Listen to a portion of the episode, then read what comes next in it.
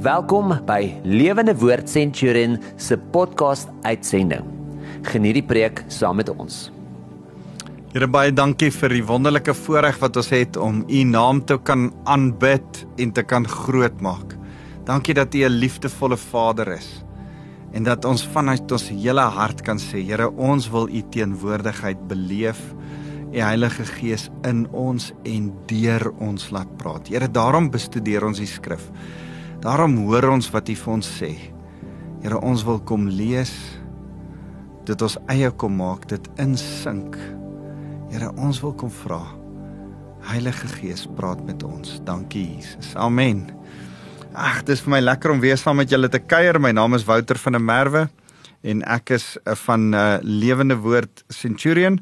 En uh, onthou jy kan met my kontak maak. My e-posadres is wouter@lewendewoord.co.za. En ehm um, ja, ek het die voorreg dat uh 10 uh die volgende week dalk nou as jy vir my luister, ek in Jerusalem is by die tempel. Nou wat altyd vir my so mooi is, ek ek was al eenmal daar en ek geniet dit om na YouTube video's te kyk van die Tempelberg en van Jerusalem. Dis die geografiese area omdat dit gaan oor die Bybel en ek hou daarvan om die Bybel uit die Bybel uit mense goed te leer. Lees ek geweldig baie op daaroor. Kyk YouTube goed daaroor. Kyk verskillende goed en en en een van my geliefkoeste plekke uh en ek sien uit om weer daar te gaan staan is as jy op die Olyfberg staan dan kyk jy vir die hele Jerusalem wat voor jou lê. Is die Kidron spruit tussen jou en Jerusalem. Ehm um, jy staan oor by jou Olyfberg, jy kyk uit oor hierdie pragtige Jerusalem wat voor jou lê en dan sien jy die oospoort. Die oospoort is 'n interessante ding. So in die 1500s het die Turke die oospoort toegebou want hulle het gehoor van die profesie dat Jesus, die Messias, deur die oospoort gaan kom en dat dit met sy wederkoms en daarom het die het die die moslem Turke toe besluit kom ons bou die oospoort toe kom ons messel hom toe. En uh asof die Here nie kragtig genoeg ehm um, daai oospoort kan oopruk en in elk geval daardeur kom nie. En uh die die stories van die oospoort is altyd so so interessant vir my want uh op op 'n stadium het hulle het het 'n verdere groep moslems toe gedink man kom ons verhoed die profeet om deur die oospoort te gaan want 'n profeet mag nie oor graf te loop nie kom ons plant net dooies daarop sonder dat hulle dit weet dat uh Jesus eintlik gesê het voordat hy kom gaan hy die dooies uit die dood uit laat opstaan. So die grafte gaan in elk geval leeg wees te die tyd wat hy daaroor moet loop. Hy is die oorwinnaar oor die dood. Hy's nie bang vir 'n graf nie. Ehm um, en die en die die die derde interessante storie wat ek jou wil vertel van die Oospoort is in 1917 aan die einde van die Eerste Wêreldoorlog. Uh dis die tyd wat die Engelse dubbelvlerk vliegtye gehad het. Daai uh uh uh um propeller vliegtye van hulle waarmee hulle in die Tweede Wêreldoorlog geveg het. Daai oorlog het hulle hoofsaaklik geveg in in in in Engeland, Duitsland, Europa daar rond dit nooit regtig gestrek tot by die Midde-Ooste nie, maar aan die einde van die oorlog het hulle vliegtye na die Midde-Ooste toe gestuur. Nou toevallig die oggend van die die die eerste vlug oor Jerusalem sonder dat enigiemand sou weet dat die Engelse oor Jerusalem sou vlug, het die moslem plaaslike moslems besluit om die oospoort met hamers en bytel oop te kap um, om te wys dat Jesus nie gaan kom as hulle die oospoort oopkap nie. As die oospoort nou wonderbaarlik oop gaan, gaan Jesus nie verskyn nie. En hulle het toe met hulle hamers en bytels daar opgedaag, begin kap aan die muur en vir die eerste keer in hulle lewe sien hulle vliegtye vlieg daar uh, drie laafvleiende vliegtye met dubbelvlerke. Hulle het nie hulle wat in die Midde-Ooste groot geword het in 1917 ehm um, het dit nog nooit gesien nie. Hulle skrik hulle ore mik en hulle dog dis engele wat uit die hemel uitgekom het met groot vlerke en hulle los al hulle toerusting net daar en vlug. En van daai dag af is die oospoort nog steeds toe. Ehm um, en, en laat ek dink uh die Here weet hoe om sy tydsberekening. Hy gebruik die vliegtye en die tydsberekening van arrogante ouens wat dit met groot uh, uh fanfare uh um bemark dat hulle nou die oospoort gaan oopmaak. Nou vlieg daar toevallig vliegtye oor Jerusalem en hulle dink dis engele. En en en dis eintlik so mooi met die tempelgebied en en en ek wil vir jou lees Matteus 24 vers vers 1 net vinnig die agtergrond. Jesus is in die laaste week van sy lewe. Hy's uh besig om homself as die paaslam uh aan die aan die fariseërs en die volk te wys in die huis van die Here in die tempel. Nou nou kom ek sê net vir jou, 'n paaslammetjie uh voordat hy die goeie Vrydag, Paasvrydag geslag moes word, het die pa van die huis die paaslam gaan haal die Sondag voor daai Vrydag en hom vir 'n week lank binne in sy huis gehou. En dan het die hele gesin, ma, pa, boetie, sussie, almal nou deur hierdie skapie gekyk. Hy het 10 teen 1 'n naam gekry. Die skapie het daar tussen hulle gespeel. Maar die idee was dat jy hom Saterdag, Maandag, uh, Sondag, Maandag, uh, Dinsdag, Woensdag, Donderdag moes ondersoek of is daar gebreekte beentjies aan hom of het is loop hy krippel of is daar vlekkie as daar enige suits is dan moes jy hom uh teruggee dan moes jy 'n nuwe skaap kry. Jesus kom wys hom as die perfekte paaslam, as die een wat vir ons kan geslag word sonder sonde, sonder fout, sonder vlek, sonder rimpel, sonder gebrek. Stap hy elke dag van Betanië oor die uh uh, uh Olyfberg deur die Oospoort en dan kom wys hy homself aan die fariseërs. Hy stry met hulle oor taamlike klomp onderwerpe en op die manier wys hy eintlik sy perfektheid sy gebrek aan sonde. Daar's geen sonde in Jesus nie. En en dis eintlik vir my so mooi die Paaslam week van Jesus Christus. En en en as hy dit kom doen, dan uh, kom eindig dit in vers 23 waar hy sewe elendes kom uitspreek oor Israel en dan aankondig dat hy nie weer met Israel gaan praat totdat hy weer kom op die wolk aan die einde van die tye nie. Hy's moeg, hy's gedaan. Nou stap hy weer van die oospoort af terug ekskuus tog stap hy weer van die oospoort af terug na Betanië toe. En terwyl hy so terugstap saam met sy disippels, kyk sy disippels en hulle uh, tel seker die weemoed in sy hart op en hulle tel dalk die die die die swaarmoedigheid in die atmosfeer op en hulle en en en, en hulle wil hom dalk ophelder. en uh, ek lees vir julle Matteus 24 vers 1. Terwyl Jesus besig was om die tempelterrein te verlaat, het sy disippels nader gestaan om vir hom die verskillende tempelgeboue uit te wys. Maar hy het vir hulle gesê: Ek verseker julle, al hierdie dinge wat julle voor julle sien, sal so totaal gesloop word dat nie een klip bo op die ander een sal bly staan nie. Jesus is te neergedruk. En nou nou dit wat hulle hom oor op opwek en en sê man maar kyk ten minste hoe mooi is die tempel. Kom ons kyk na hierdie mooi argitektuur. Sê hy man, ek is nie beïndruk daarmee nie, want al hierdie gaan vernietig word. Wat Jesus geweet het is dat hierdie tempel wat in 4 voor Christus deur Herodes die Grote gebou is, uh en so in 66 na Christus klaar gemaak is.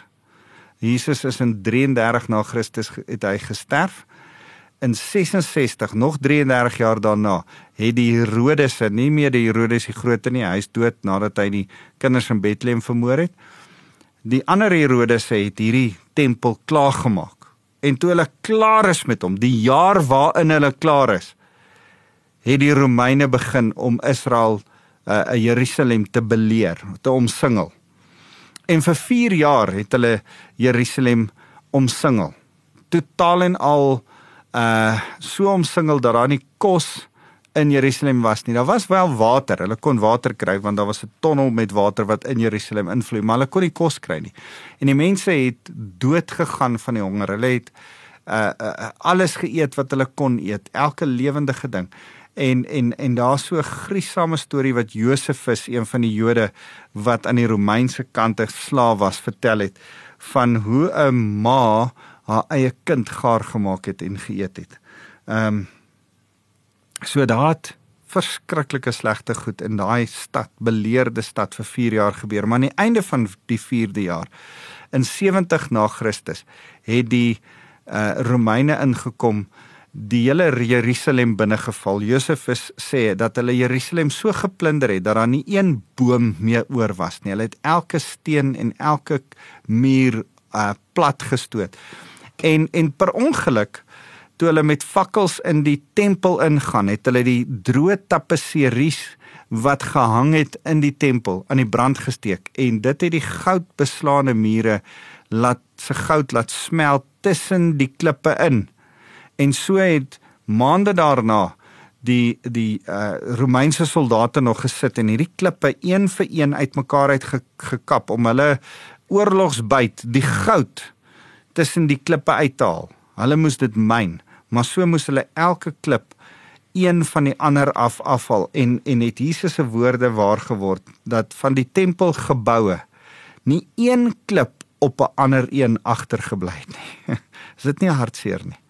Dat hierdie Romeinse soldate dit totaal en al vernietig het. En en Jesus kom en en nou kom uh, hulle in vers 3 nadat Jesus teen die hang van die Olyfberg gaan sit het, kom vra sy disippels om vertroulik: "Vertel ons wanneer gaan al hierdie dinge gebeur?" Wat sal die voorteken wees van u koms en van die einde van die wêreld? En dan begin Jesus lering gee en en dan gee hy 'n eindtyd lering, 'n geweldige interessante eindtyd lering in Matteus 24 wat ek nie nou vandag met jou in in detail gaan bespreek nie. Maar ek wil ek wil stil staan by by hierdie ding. Dat Jesus 100 en 50 hoofstukke in die Bybel laat opskryf oor eindtyd lering. In Openbaring lees ons in Openbaring 1 vers vers 3 dat daar 'n belofte is vir die persoon wat die oop boek Openbaring bestudeer. Die Here wil hê ons moet iets leer van wat aan die einde van die tyd gaan gebeur en kom. Ons moet weet Jesus kom weer. Toe ek 'n 'n kind was, ek het pas tot bekering gekom. Ek was so 18 jaar oud. Toe gaan ek eendag na na 'n charismatiese kerk toe en daar's 'n Nieu-Seelander wat preek. Ehm um, destyds by Christian Family Church en en en hy preek hierdie ou oor die eindtye en die verdrukking wat gaan kom en 666 en in die anti-kris en alles wat gaan gebeur dat ons nie gaan mag koop en verkoop nie en ek skrik my mors dood. En ek dink hoorie ek moet nooit trou nie, ek moet nooit kinders hê nie, ek moet altyd net alleenig wegkruip in die berge want mens weet nie dit kan volgende jaar gebeur. En toe ek die skrif nou eers vir myself begin bestudeer en eindtye en en en en ek het die boek van Paul Jankie Chou oor Daniël begin bestudeer. Dis eintlik een van die wonderlikste tye wat ek kon gehad het oor eindtye. Toe kom ek agter daar's 'n vrymakende ding as ek oor eindtye begin lees dan dan maak dit my dit, dit my vry. Dit dit maak my nie bang nie, dit gee my hoop. En toe kom ek agter man die ou die kat aan die stert beet gehad oor eindtye en daarom het ek bang geword toe hy gepraat het. Maar as ek self lees en ek sien en ek bestudeer eindtye, dan het ek hoop, dan het ek 'n toekomsverwagting, dan dan het raak ek opgewonde. Dan dan dan is dit iets soos wat Paulus sê, Maranatha, kom Jesus, kom gou. Ons kan nie wag dat u weer kom nie. So ek wil vir jou sê, daar's 'n wonderlike stuk waarheid om die toekomsverwagting, die die die die eindtye. On, ons praat van eindtye, die studie van eindtye is die woord eskatologie. Om eskatologie, die studie van eindtye te bestudeer, die profesie, die 150 hoofstukke in die Bybel wat gaan oor dit. In Daniël is daar 6 hoofstukke, in Openbaring 22 hoofstukke, in uh, uh Tessalonisense skryf Paulus oor die eindtye. In uh, Korintiërs skryf hy daarvan. In Jesus skryf in Lukas 21, Matteus 24 van die eindtye. Oor en oor lees ons Ou Testament, Nuwe Testament van eindtye wat gaan kom. Esegiel skryf daaroor. Maleagi skryf oor die dag van die Here wat kom. Dit gaan nog gebeur. Man, ek wil vir jou sê, daar's iets kosbaar om oor die eindtye die woord te bestudeer, maar jy moet self die woord bestudeer. Daar's moeilike tye wat kom, maar ons moet weet wat watter moeilike tye gaan ons deurgaan en watter moeilike tye gaan ons nie deurgaan nie. en daarom moet jy met hoop na hierdie eindtye kyk. Daar's daar's ook 'n ding dat elke keer as ek na die eindtye kyk, Openbaring, Matteus 24, dan besef ek hoe wonderlik is dit dat die Here sê daar gaan 'n herstel, 'n herskep van alle dinge wees. Aan die einde van die tyd gaan alles, die finale streep wat gaan getrek word is dat ek en jy terugkeer na 'n herskepte aarde heeltemal nuut. Onthou dat die paradys skep die Here totaal en al sonder sonde, sonder fout, sonder dorings en distels, sonder sweet skep hy hierdie perfekte plek van ontmoeting met hom. Die paradys was eintlik die troonkamer van God waar mense en God mekaar ontmoet het, waar diere en plante perfek geleef het. En dan kom sonde. En dan vir vir die hele tyd wat sonde se effek moet klaar uitspeel vir duisende jare dan is dit 'n plek van gebrokenheid, 'n plek van siekte, 'n plek van dood, 'n plek van uh dorings en distels en sweet. Maar dan dan as Jesus klaar is met die einde van die tyd, dan sit hy ons weer in 'n paradys, 'n perfekte plek waar ons perfek met hom kan wees. Dis waartoe ek en jy moet uitsien. Dis wat ons voorhoop moet hê. So, kom met ons die Bybel lees want daar's hoop in. Dis hoekom ons die die die die die profeseë moet bestudeer. Jy moet dit nie net ligtelik lees nie, bestudeer dit. Kyk daarna. Die die tweede rede hoekom ons die woord die profeseë moet bestudeer is want dit waarsku ons. Dit waarsku die ongelowiges wat nog nie die Here ken nie. Waarsku dit, hoorie, daar's 'n hel op pad. Jy kan nou maar maak asof hierdie einde no, hierdie aarde nooit gaan eindig nie. Hy gaan eindig. En elke ongeredde persoon, 'n man jy kan maar net Hollywood flieks kyk. Daar's of 'n 'n meteoor wat val of 'n aardbewing wat kom of 'n tsunami op pad of hulle besef die aarde gaan op 'n of ander manier 'n 'n 'n eindtyd bereik. Hy het 'n expiry date. so op hierdie aarde soos 'n boks melk geskryf. Ons weet, hy hy gaan ook vrot. Hy gaan ook aan sy einde kom. Alle weet dit, die wêreld weet dit. En om vir die wêreld te sê wel uh ek het vir jou goeie nuus. Daar is 'n expiry date, maar daar's 'n nuwe een wat geskep gaan word en Jesus is die antwoord. Dis die waarskuwing wat ons aan ongelowiges moet gee. Die boosheid gaan nog donkerder word en die goed gaan nog beter raak. Die lig sal toeneem. Jesaja 60 vers 2. Uh dit dis wat ons vir ongelowiges moet moet sê. Ons moet hulle daaraan herinner. Ons moet vir gelowiges sê, hoorie, om na die eindtye te kyk is om so, soos om vir mekaar te sê die bruidegom kom. Julle onthou die die verhaal van die van die van die maagde met die 10 lampies. 5 van hulle was gereed. Hulle het die tyd opgehou. Hulle was in verwagting vir die bruidegom wat kom. 5 van hulle. Dit dis 5 kerkmense wat gesê het ja, ek weet nou nie of dit nou meer gaan gebeur nie en ag, kom ons ons wag net so lank en dis seker nou nie so belangrik nie. Hulle lampies is uitgedoof en toe Jesus toe die bruidegom kom, toe is hulle nie daar nie. Toe is hulle besig met ander goed en nie daar waar die bruidegom hulle kon kom kon inlaat nie. So dis 'n waarskuwing. Dit gee ons nie net hoop nie, dis 'n waarskuwing vir ongelowiges en vir gelowiges, vir jou en vir my om te sê, "Hey, kom ons wees reg dat as die bruidegom ons kom haal op die wolke, dat ons reg is. Kom ons bly mekaar aanmoedig daarmee. Jesus kom weer." En dan die derde ding wat ek vir jou wil sê is dat as ons begin om Ou Testamentiese profetiese woorde te kyk, en dieselfde Nuwe Testamenties dan dan dan bevestig dit wat Jesus is en wie Jesus is en wat hy gesê het. Dit bevestig die waarheid van die woord.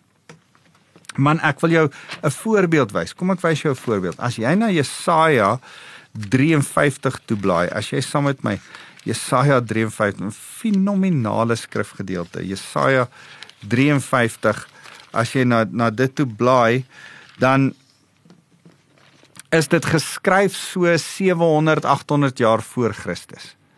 'n Fenominale stuk wat eintlik gaan oor oor oor Jesus.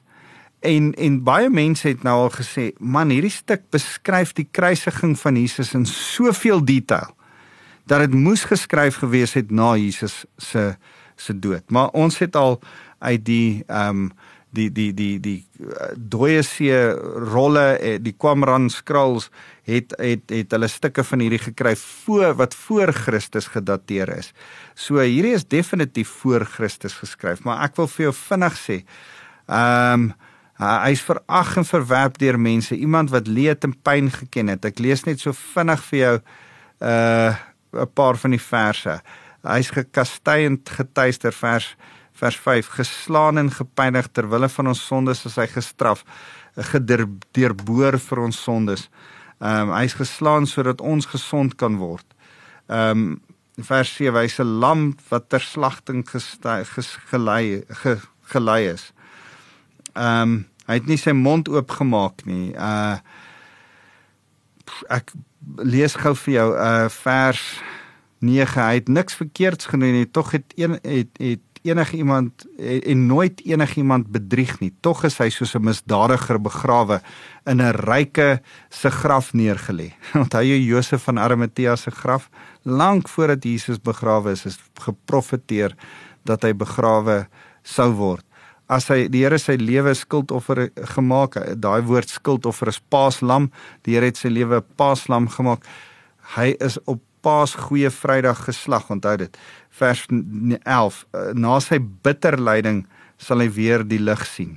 Bitter lyding, onthou jy die bitter eh, krye wat hulle vir hom saam met wyn wou ingee, sal hy weer die lig sien. Onthou hy het opgestaan uit die dood. Hy het soos die afgekom en soos die brood in Paastyd ont, onthul is, as hy onthul as die as die brood van die lewe wat uit die graf het opgestaan het.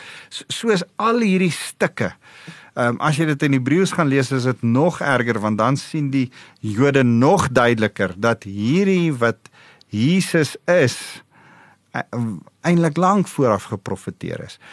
Dis so erg inderdaad hierdie hierdie ehm um, Jesaja 53 dat sommige Jode weier om dit te lees. Hulle wil dit nie lees nie want dit dui net so duidelik na Jesus toe. So dit bevestig profesie bevestig altyd die waarheid van die woord. En daarom moet jy 'n student van profetiese woord wees van van wat die Here in die skrif sê oor Jesus se eerste koms as die lam en sy tweede koms as die leeu. Jy moet weet dat hy gekom het om geslag te word die eerste keer maar kom om te regeer die tweede keer. Jy moet weet wat gaan gebeur as hy weer kom. Hy kom om sy bruid te haal sodat ons 'n feesmaal saam met hom kan hê. Jy moet weet dat as hy weer kom, kom hy om Satan te oorwin en vir ons die oorwinning saam met Satan te te gee. As hy weer kom, kom kondig hy 'n 1000 jaar vrederyk aan. Dis goed wat ek en jy moet weet. Want as ons dit weet, bevestig dit die skrif vir ons. Ja, jy kan stry en skop teen die skrif. Uh Lee Strobel het 'n boek geskryf oor the case for Christ. Um 'n regsgeleerde wat 'n saak wou maak, hy was uh, om mee te begin 'n ateës en wou hy saak maak teen die Bybel, teen die die waarheid van die Bybel en veral die waarheid van die kruisiging. Hy het gesê die kruisiging het nooit gebeur nie. Dis sommer net 'n storie, dis sommer net 'n mite. En toe begin hy wetenskaplike navorsing doen. En hy begin agterkom. En hy begin agterkom dat as hierdie 'n hofsaak was waarvoor hy bewyse moes ingesamel het, dan was daar 'n 'n berg van getuienis, van bewyse dat Jesus wel gekruisig is, dat Jesus wel opgestaan het uit die dood en dat daar wel is so hy het um circumstantial uh uh um uh, getuienisse uh, uh goed wat daar is maar hy het feitelike goed en en en dit's geweldig interessant om te sien dat 'n ou toe regsgeleerde geleedere wat wou bewys dat Jesus nie gekruisig was nie en nie bestaan het nie tot bekering kom omdat hy nie anders te kan as om teen die feite vas te kyk en dit te bevestig nie want die woord van die Here word bevestig deur wat hy vooraf in sy profetiese woord sê. Hierdie woord is die volle waarheid. Ek ek ek het so 'n uh, uh, ou wat ek altyd luister waarvan ek baie hou wat sê Ek glo hierdie hele woord van voor die voorblad tot by die agterblad. Hierdie woord is God se woord. Dis geïnspireerd. Luister, mag daar teenstrydighede en foute in wees. Ja, maar as jy die hart en die gesindheid van die hele woord van Jesus, dat dit 'n verhoudingsboek is. Dis nie 'n geskiedenisboek nie, dis nie 'n biologieboek nie, dis nie 'n boek wat polities vir ons wys hoe werk seker goed nie. Nee nee, dis 'n liefdesbrief wat die lewendige God vir my persoonlik geskryf het. Dis 'n liefdesbrief wat God almagtig, die God van die heelal vir jou persoonlik geskryf het. En daarom moet jy dit bestudeer. Daarom wil ek vandag jou honger maak om te sê ouens, daar moet 'n gereelde daaglikse bestudering van die woord wees. As die Israeliete in die in die woestyn daagliks manna opgetel het en om daagliks te eet, as hulle dit gehou het vanmôre het dit gevrot. Hulle moet elke dag, moet jy elke dag die woord vir jouself bestudeer en vir die Heilige Gees vra om dit lewendig te maak en van toepassing te maak in ander goed wat deur die loop van daardie dag met jou gebeur. Dis wonderlik. Die Here wil met jou praat ook deur sy woord. Onthou ons praat gereeld met mekaar oor hoe om die stem van die Here te hoor. Die Here praat definitief deur sy woord ook met ons. En dan alles wat hy anderste vir ons sê word bevestig vanuit sy woord. Dit moet in lyn wees met die woord van God. En daarom moet jy die woord van God ken meer as wat jy enigiets anders te ken in jou hele lewe. So, kan ek vir jou vra? Het jy 'n gereelde dissipline van stil word en van by die Here hoor? Ek ek wil vir jou hierdie uh hierdie aanhaling lees van ehm um, ek probeer nou Ken Blanchett uh, skryf in in in sy boek uh oor oor leierskap, dan sê hy as jy 'n waarlike leier wil wees, dan moet mense God kan sien deur jou. Hy hy sê hierdie ding van jy is 10 teen 1, die enigste manier, die enigste Bybel wat enigiemand gaan lees. As hulle 'n heiden is, gaan hulle nie self die Bybel lees nie. Hulle gaan jou lees. Hulle gaan jou lewe lees. Kan hulle God deur jou sien? Kan ek vra kan mense God deur jou sien? Dan sê hy hulle sal God net deur jou kan sien as jy hierdie 5 gewoontes aanleer. Kan ek vinnig vir jou die 5 gewoontes gee? Bly in sy liefde. Aanvaar en bly in sy liefde. Dit gaan oor 'n wedergeboorte en 'n besef om elke dag weer te sê, Here, ek kies weer U. Here, ek is by U. A habit of that.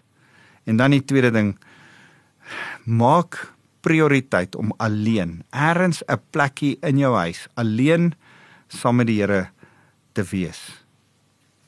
Ek het so rukkie terug met julle gepraat oor the secret place of the most high. Die die skadu van die allerheiligste. Die daai een plek, daai sitplek, daai een plek wat ek nou so sien in my in my in my geestesoog waar ek met die Here alleen gaan sit in die oggende, net ek en hy maak so 'n tyd en 'n plek saam met hom. Dis jou tweede habit. Jou derde habit is gebed. Jy moet 'n daaglikse gebedslewe hê waar jy met die Here praat en jy toelaat dat die Here met jou praat om stil te word. Die vierde habit is jy moet die woord lees. Jy moet die Bybel lees. Jy moet dit bestudeer en jou eie maak daagliks. Ten minste 'n stuk 'n dag. Ten minste 10 of 20 verse 'n dag lees.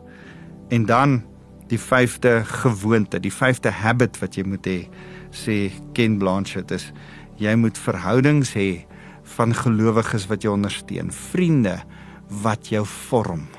Eyster slyp eyster en so vorm vriende mekaar. Hê daai noue verhoudings van mense wat inspraak in jou lewe gee. En dit sal wees dat jy God kan weerspieël vir ander mense as jy by hierdie habits kan bly gereelde uh, dissiplines in jou lewe. As jy wil fiks word en en en en en aan enige sport wil deelneem, moet jy moet jy 'n gewoonte van dissipline hê. As jy Jesus wil weerspieël, moet jy 'n gewoonte van geestelike dissipline hê. So kom ons bid saam. Here baie dankie vir u woord.